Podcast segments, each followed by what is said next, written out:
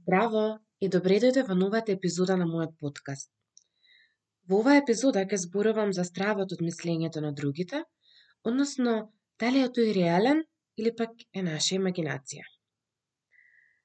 Истата тема може да ја најдете и на мојот блог elenajebor.com. Дали вие често патите од тоа што другите мислат за вас, дали другите ќе ја одобрат вашата одлука или пак се сомневате во вашата одлука и мислите дека другите знаат повеќе од вас. Многу често знам да добиам пораки, особено на социјалните мрежи, каде што а, личности кои што воопшто ниту ме познаваат, ниту пак јас ги познавам, ме прашуваат, на здраво, имам ваков и ваков проблем, ви пишувам, сакам ам, сакам да добиам совет од вас, не знам што да направам, дали да ја променам мојата работа, дали да се разведам, дали да се запишам на тој и тој факултет, кој предмет како и како се положил и така натаму. И ова е многу интересно затоа што е многу често, многу често се случува на социјалните мрежи и тоа не само кај стручните лица, туку општо кај сите лица кои што јавно се изложени. Еве конкретно најмногу на Инстаграм. И што е многу интересно, интересно е што освен една мала икона, а, може би име а, или некаков никнем, Другата страна не знае ништо за таа личност, меѓутоа другата страна, покрај тоа што сум стручно лице, дури да дојдете на индивидуална средба и терапија, јас не би ви кажала што да направите. Иако се вика психолошко советување, советодавна професија, сепак каунселинг или психолошкото советување не е давање на совет, И тоа е една од првите лекции кои што не учиме ние на факултетот на психологија, дека психологот не дели совети. Значи, а, може би да, после подолг период заедно, средби терапија би дал некакви препораки, нормално некои работи кои што се општи препораки, како што еве некои препораки би ги давала и јас тука, на овој подкаст, на мојот блог, на мојот Инстаграм профил, меѓутоа, да дадеш совет дали да се разведеш, дали да ја промениш работата, која нова работа да почнеш да ја правиш, не. Психологот може да даде некаков тест, може да направи некоја тестирање, некоја проценка, да постави интересни прашања кои што личноста ќе ја поттикнат да размисли што е оно за кое што а, не ја бидува, доколку размислува дали да смени работа или не, или пак што е оно кое што за неја е важно, дали да се разведе, дали не може веќе да издржи и така натаму. Меѓутоа, психологот, психотерапевтот, а, во ниеден случај не делат совет. Така што на ваквите прашања кога ми ги поставувате, а многу често се случува да ми бидат поставени, најчесто мојот одговор е доколку сме во живо не знам, што мислиш ти, односно доколку сме на а, една сеанса, а доколку е во инбокс, че се знам да кажам, пратете се кај стручно лице и така натаму. Затоа што на вистина не е нешто кое што јас би можела да преземам одговорност и да донесам одлука место вас. Меѓутоа, овој процес е многу нормален и затоа некако и го спомнувам на почетокот, затоа што ова е еден развоен процес што се случува додека ние растеме. Додека сме мали, родителите дефинитивно одлучуваат што е оно што е најдобро за нас. Тоа почнува уште во процесот на планирање на бременоста дали детето ќе се дои, па како ќе се одвива бременоста, па каде ќе се породи мајката, како ќе изгледаат првите денови, кога ќе се почне со дохрана, дали и кога ќе оди во градинка и така натаму. Меѓутоа, до која возраст родителите одлучуваат? Дали е многу важно нивното мислење сега? Многу често одговорот на ова прашање е да, затоа што сакале ние или не родителите се сепак центар на нашиот свет, односно најважните личности. И многу често се случува да и буквално во подоцнежните години нас мислењето на родителите ни е многу важно. И не велам дека не треба да ни е важно, меѓутоа во продолжение ќе зборуваме чие мислење не треба да е важно, односно не мора да е важно, односно не е убаво да е важно. А, кога го носиме стравот од мислењето на другите, Многу е важно да провериме кои се тие други. Дали се тоа мама и тато, партнерот, децата, пријателите, сестрата, братот, колегите. Или пак тоа е комшијата Перо и, комши... и Стојна, која што, еве да речеме, некоја пријателка на мајка ви. А, секако, а, Перо и Стојна се замислени а, ликови. Јас многу се, се, се извинувам, меѓутоа на хумористичен начин а, сакам да ги представам. Може да бидат како сакате, кој име да им, да им го дадете, онака како што за вас е најпријатно и на, на нивно место вие ставате ги оние личности од кои што на вистина имате страф, односно ностоп размислувате кое е нивното мислење. Секако дека е многу важно мислењето на неблиските и во одредени ситуации на вистина е потребно да го побараме нивното мислење. Особено доколку одлуките кои што ги носиме не се само не не засегаат само нас, туку ги засегаат и нив. Меѓутоа размислете од кого се плашите. Да, ако во одредени ситуации мислењето на неблиските е многу важно, тоа не значи дека ќе ве спречи во носење на некоја одлука која што ја сакате. Дали на комшијата Перо му е на вистина важно како сте? Колку стравот од мислењето на Перо е реален? Ако подобро размислите, стравот од мислењето на Перо е имагинарен страв.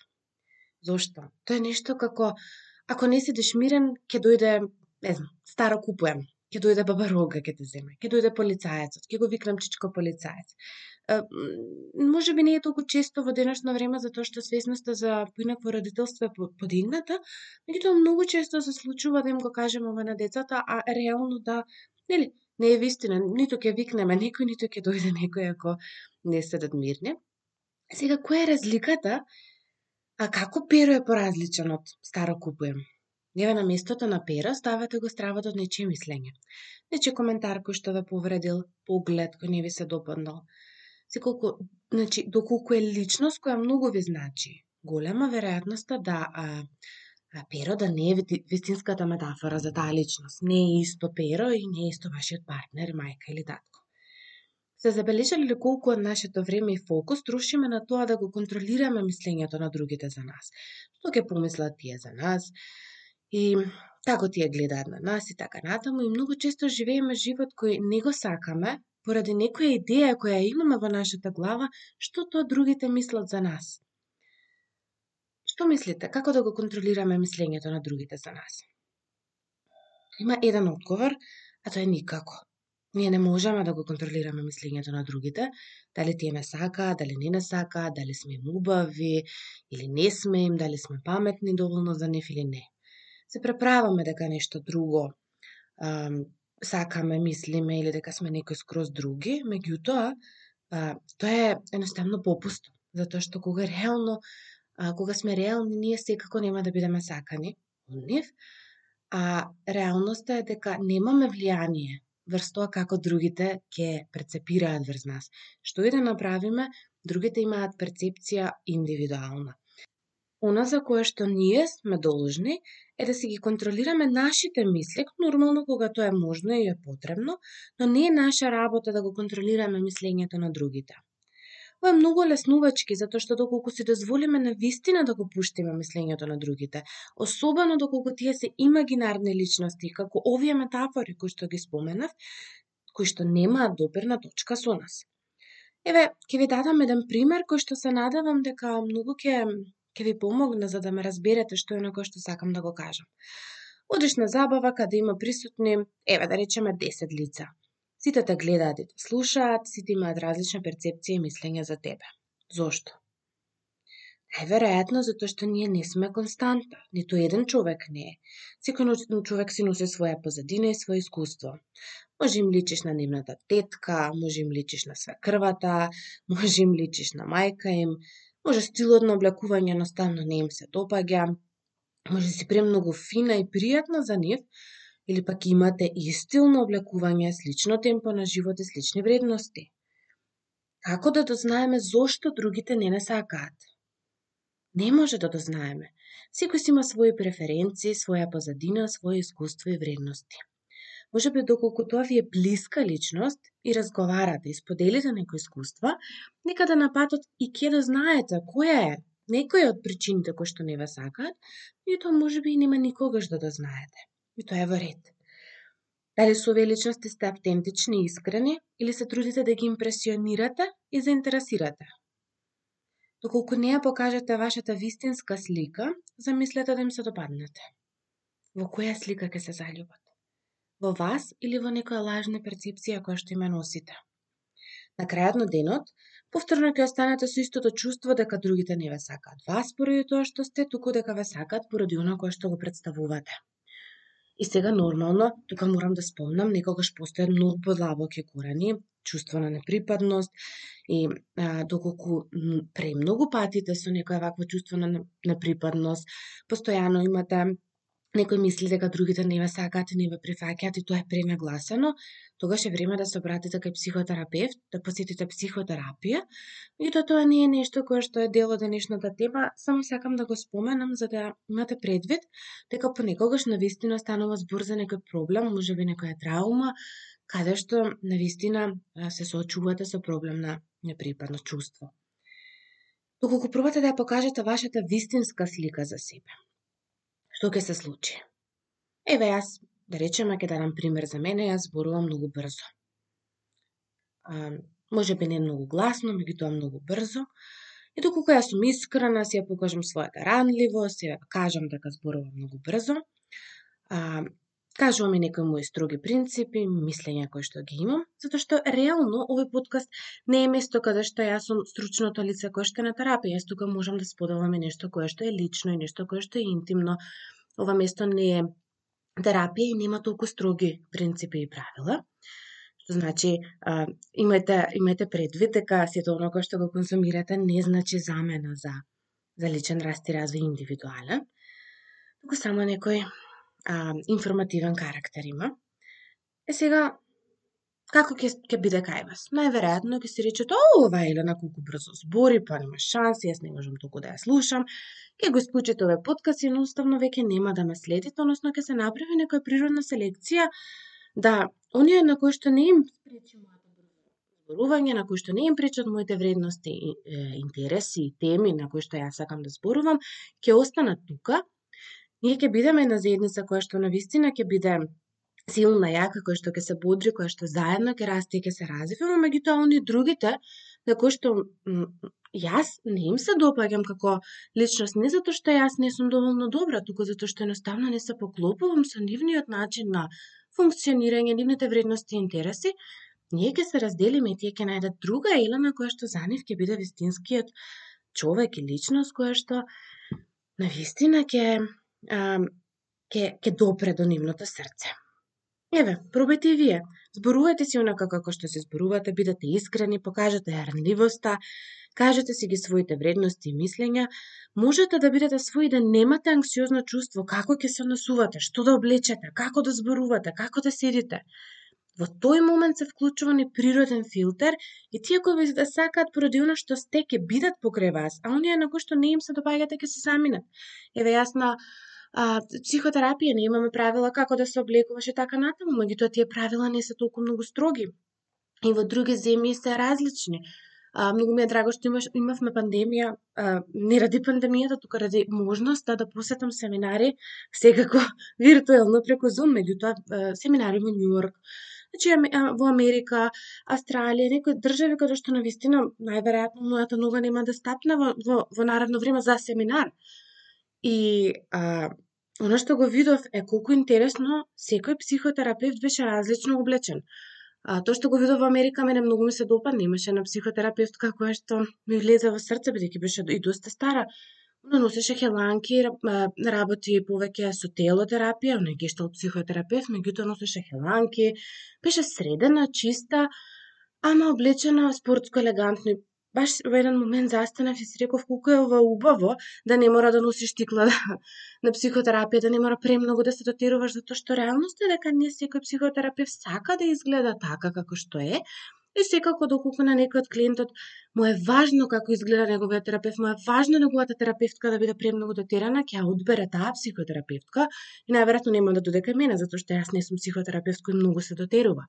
Фала Богу не доаѓам во, во тренерки, секогаш сум средена, меѓутоа не е нешто кое што е премногу.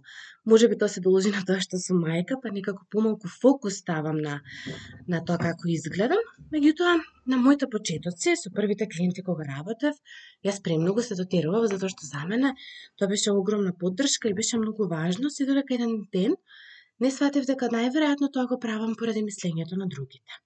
сега ова ви го кажувам како еден а, еден мој процес, затоа што може би ќе разбуди нешто во вас и ќе можете да се пронајдете во, секако во некое друго поле. Доколку вие сте јаболко и некој не сака јаболко, туку сака банани, дали е јаболкото криво што не е сакано? Едноставно другиот повеќе сака банани и тоа е сосема во ред. Или еве ќе дадам пример со чоколада. Сигурна сум дека познавате некој кој што не сака чоколада. Може би е алергичен на чоколада. Ванила, цимет. Многу е здраво да не не сакаат сите, а и пред се размислете дека и ние не ги сакаме сите. Многу е здраво некој да не сака јаболко, Иако јаболкото е зрело, вкусно, миено, сочно, привлечно, ароматично и така натаму.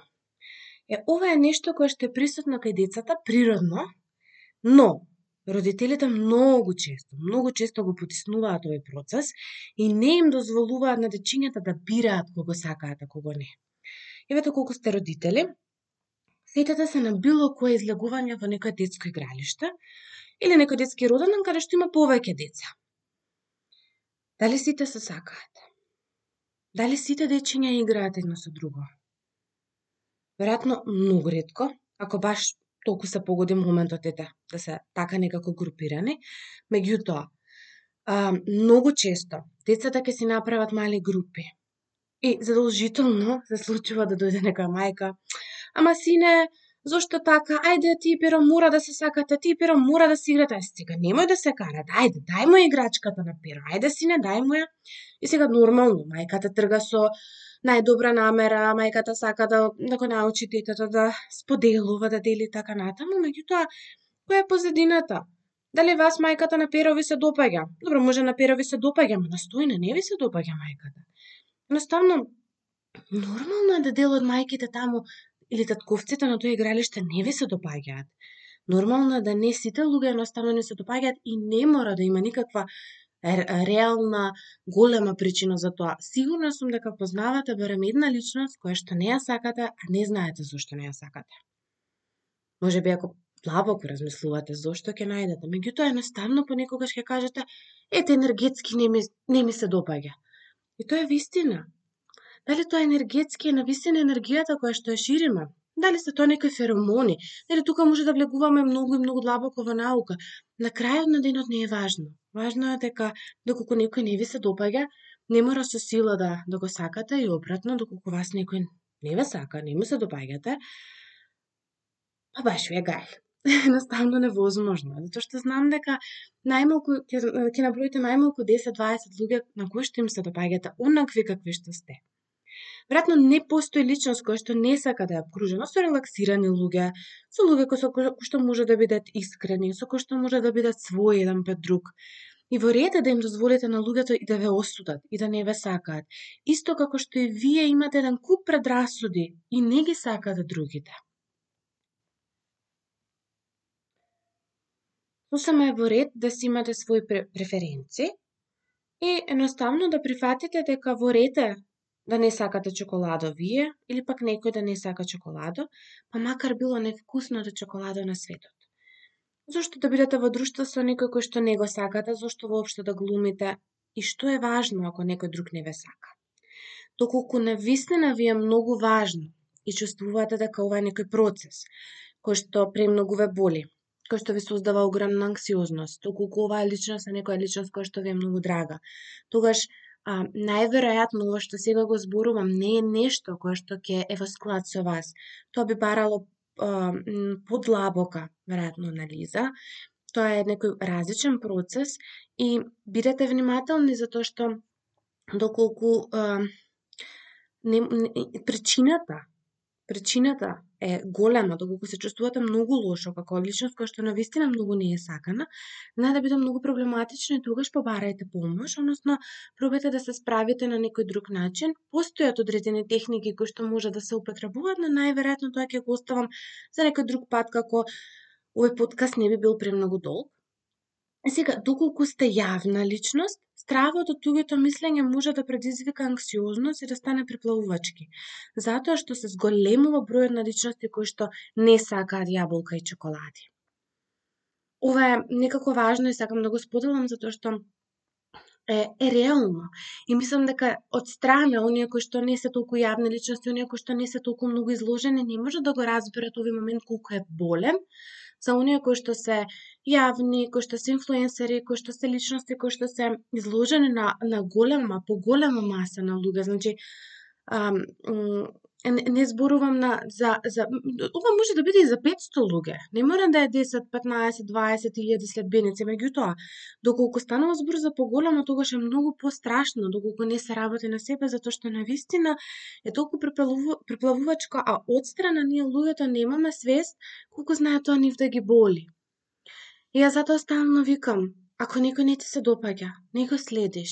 Ако политичар не ти се допаѓа, не гласаш за него, не го следиш нема потреба да некако интимниот, приватниот живот го а, ставаме на тацна, меѓутоа може би зошто другите критикуваат, навредуваат и така натаму, некоја убава тема која што може да се опфати, затоа што исто така и таа е носи подлабоки причини и позадина. И сега, што е оно што е важно кога се соочуваме со стравот од мислењето на другите? Нешто што е многу важно е да имаме критериуми Зошто ова го нагласувам? Затоа што забораваме дека во нашиот живот многу е важно да имаме приоритети и критериуми. Чие мислење ми е важно? Нормално дека нема да ме интересира што мојот комшија Перо мисли за моите заби, ама многу ми е важно што ќе ми каже мојот стоматолог за нив. Не ми е важно што мојата сестра мисли за мене како психолог, затоа што она не ми е клиент, Меѓутоа, важно ми е што мојот клиент ќе мисли за мене како психолог. И важно ми е што мојата супервизорка и професорка која што внимава на начинот на кој што работам, мисли за тоа. Не ми е важно за овој подкаст или за мојот блог или за мојот Инстаграм профил што мисли мојата најдобра другарка. Меѓутоа, многу ми е важно што мислат моите редовни читатели, што мислат луѓето кои што навистина го следат и кои што Ова е нешто кое што многу ме потребно и е дел од нивниот личен раст и развој. Ова е нивната поддршка од нивното патување. И ова е еден цел круг на што е важно, а што не е важно. И што се случува овде? Овде доаѓам до делот критериуми и да речеме, доколку имате кариес горе десно на петка, баш ви е гајле што ќе ви каже продавачката во маркет за забите и што да користите. Но многу е важно да го слушаме стоматологот што ќе ни каже каков третман ќе ни препорача. Секако, доколку истиот е некој на кој што му верувате, а и зошто би оделе кај стоматолог на кој не му верувате. Кога работиме на себе и почнуваме да ја прифаќаме личната одговорност, доаѓаме до да на точка од развојот каде бираме што е оно што е добро за нас. Бираме личности на кои веруваме и бираме личности со кои што делиме слични вредности. Сега, во секој однос постојат критериуми и граници. Потребно е да ни, а, а, односно природно е да ни значи мислењето на неблиските и така треба и да биде затоа што ние пред се сме социјални суштества. Постојат критериуми и граници во секој однос и сигурно нема да сме лоши со другите и да правиме што сакаме без да се грижиме ни малку тоа ќе делува врз нив. Затоа што тоа е веќе некој друг екстрем кој што нормално не е ни посакуван да, да го постигнеме. Меѓутоа, за некои одлуки на вистина не влијае што е оно што другите, па дури и најблиските ке, ке мислат за нас. Например, ете, важно е што мојот лекар мисли за моето здравје, но не ми е важно што мисли за мојот стил на облекување или фризура. Е сега нормално ако ако стилот на облекување ми е премногу разголен или лекарот ми рече слушај вака и вака, нели мораш да облечеш долна мајца и, и така натаму, тоа е веќе друго. Меѓутоа дефинитивно не е личност на која што ќе застанам и ќе речам, аха, окей, оваа докторка е моден дизајнер, ова, значи, она е докторка. И тоа е тоа. И важно ми е што мајка ми ќе мисли за мене, но доколку, например, овој подкаст не е се допадне, јас нема да го избришам, Зашто? Затоа што не е нешто кое што влијае на неа. Не е, не, значи ова не е нешто каде што јас ја споделувам незината приказна, не зборувам за незините интимни моменти, не споделувам незини податоци и така натаму, не споделувам пак незини слики. И доколку беше овој случај да ја споделам и таа ми речеше слушај, вака и вака, јас не сакам јавно да се објавуваат моите работи, тогаш дефинитивно ќе ја почитував незината граница и ќе го избришев, меѓутоа затоа што тука не станува збор за неа, јас нема да ја избришам. Еве, поврзете го ова со било кој ваш пример. Јас чисто споделувам примери за да може некако и појасно можеби да да влезете во овој процес. Критериумите се многу значајни во целиот процес на тоа чие мислење во кое поле ни е важно. Каде гледам некој кој во тоа поле е авторитет и поседува знаење, компетенција и вештини. Е сега ова е многу важно, затоа што ние во се среќаваме со многу експерти, во наводници експерти на сите страни и често знаеме да побараме совет а, значаен, важен, клучен совет за, еве да речеме, за ментално здравје, за физичко здравје, за родителство, од личности кои што не се авторитетни во тоа поле. Не е исто да прочитам јас неколку книги за родителство и да станам експерт. И не е исто да навистина имам завршена соодветна едукација, да имам академско познавање, да имам завршено факултет, магистратура, без разлика. Наставно тоа е многу некако важно да го нагласам за тоа што ние на вистина знаеме да ги тргнеме критериумите, да не поставиме граници и да не гледаме кој е компетентен, кој е на вистина авторитетен во тоа поле. Јас не сум компетентна како психолог да зборувам за психотични состојби, затоа што едноставно тоа не е поле на моје познавање, меѓутоа ќе најдам колега кој што а, доучил медицинска психологија, кој што а, специализирал нешто кое што е многу а, различно од тоа што јас сум го специализирала, и де, дефинитивно таа личност ќе биде многу покомпетентна. И така, кога и јас се соочувам со нешто кое што не го знам, јас ќе се јавам кај таа личност за да ја прашам, затоа што во неа гледам авторитет и гледам компетенција и вештина. Меѓутоа, јас нема да се јавам кај мојата колешка која што исто така е гештал психотерапевт, затоа што таа работи со, да речеме, деца не работи со психотични состојби. Не е некој кој што е авторитет во тоа поле за кое што јас немам доволно познавање. Еве, не ми е важно што мојата козметичарка ќе мисли за подкастов, затоа што како таа е авторитет во ова поле. Важно ми е како партнерот ќе гледа на мене и на мојата искажување на љубов. Но не ми е важно како мојата пријателка која коментира каква сум јас со мојот партнер, а, има мислење, Не сум безчувствителна, значи не сме ние безчувствителни кога на другите им поставуваме критериуми. Напротив, ги почитуваме, премногу ги почитуваме, меѓутоа ставаме внатрешен филтер. Тој филтер проверува која личност ми го кажува ова, каква е таа во подрачјето за која коментира, врз што го темели тоа мислење и колку е стручна за тоа. Не велам дека некој кој што не е стручен за тоа не би дал а, мислење кое што на вистина е многу важно и, и на место. Меѓутоа, тоа е многу ретко. Дори да станува збор за тоа, овој внатрешен филтер е нешто кое што мора да го вклучиме. И сега ако се вратам на почетокот, на оној, оној имагинарен страф од мислењето на комшијата Перо и на стојна колешката. Доколку не постои конкретна личност од која се плашите, туку Перо и стојна, тогаш многу е веројатно да не станува збор за страф од мислењето на другите, туку за страф од собственото мислење. Мислете се удобно и размислете, пробајте да се сетите на одредена ситуација или одлука и пробајте да именувате од кого се плашите. Ова може да се го направите и како нека вежба, слободно земете си лист, пенкало, Правете го во било кој момент кога ќе се почувствувате дека се плашите, дека навистина ви е важно што другите ќе кажат. Кој би мислел нешто лошо? Ако најдете точно кој, да речеме Мартин, тогаш клучете филтер, критериум и компромис. Колку сте вие навистина блиски? Колку ве познаваат? Во што го темелат мислењето и слично.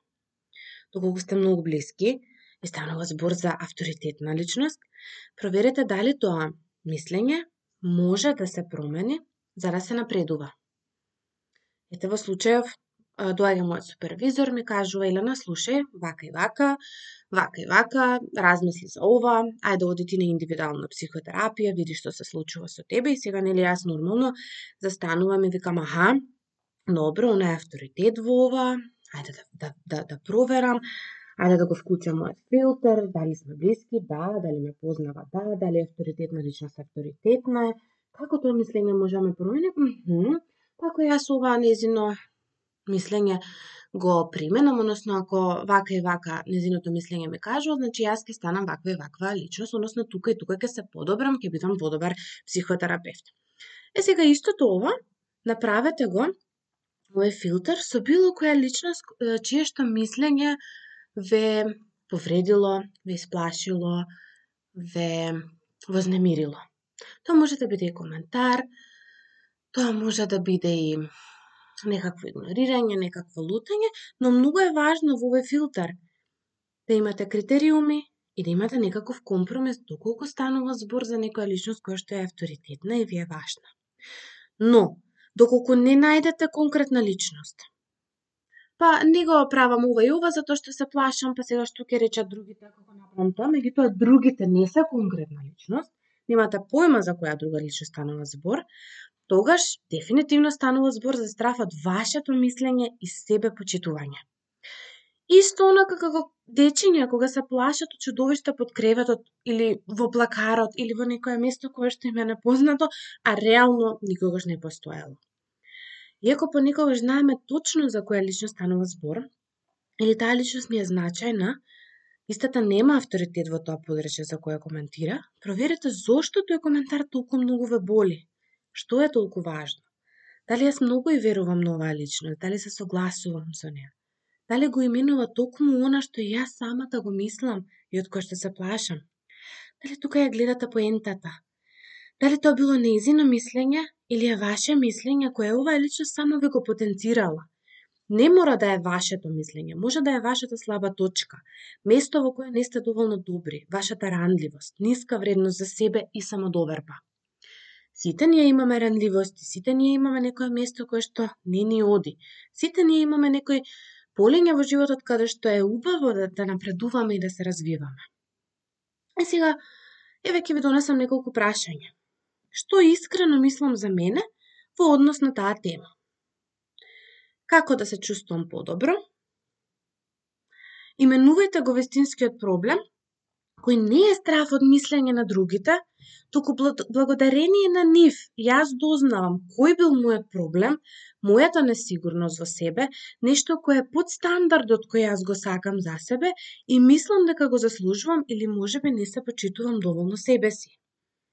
Зашто многу често а, ние прифаќаме работи кои што се под нашиот стандард кој што го сакаме и другите знаат тоа да ни го кажат или да го искритикуваат.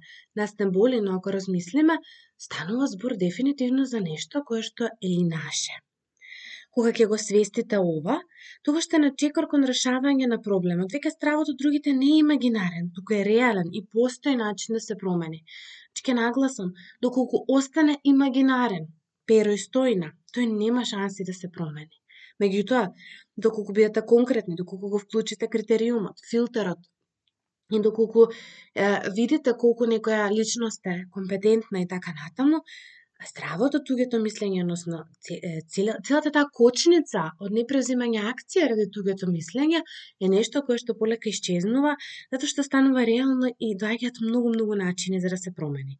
Секогаш тугето мислење не е патокас да се запознаеме подобро себе си, да видиме каде имаме застој, каде сме несигурни или воопшто можеби и не сме свесни за нешто кое што не ни е добро. Ние не можеме да ги смениме другите луѓе, прифаќаме дека тоа нема врска со нас, не сите сакаат јаболко, не сите сакаат чоколадо, не сите сакаат цимет, и наместо да ја поправаме сликата која другата личност ја има за нас, ќе можеме да почнеме конечно да се бавиме со нас. И тука некаде да доаѓам до крајот, како овој подкаст не би бил предолг. Се надам дека ви се допадна. А, истата содржина може да ја најдете и на мојот блог, но некако на ваше барање, а и најверојатно најмногу за мајките и оние кои што се позафатени, кои што може би возат и патуваат, а, се одлучив да, да истиот, оно кое што ќе се пишува на блогот, да биде пренесено и на подкаст, може би не сите теми, но се надевам дека ова ви се допадна и се слушаме наскоро во следната епизода. Ви благодарам многу за вашето внимание, за тоа што бевте тука. Поздрав!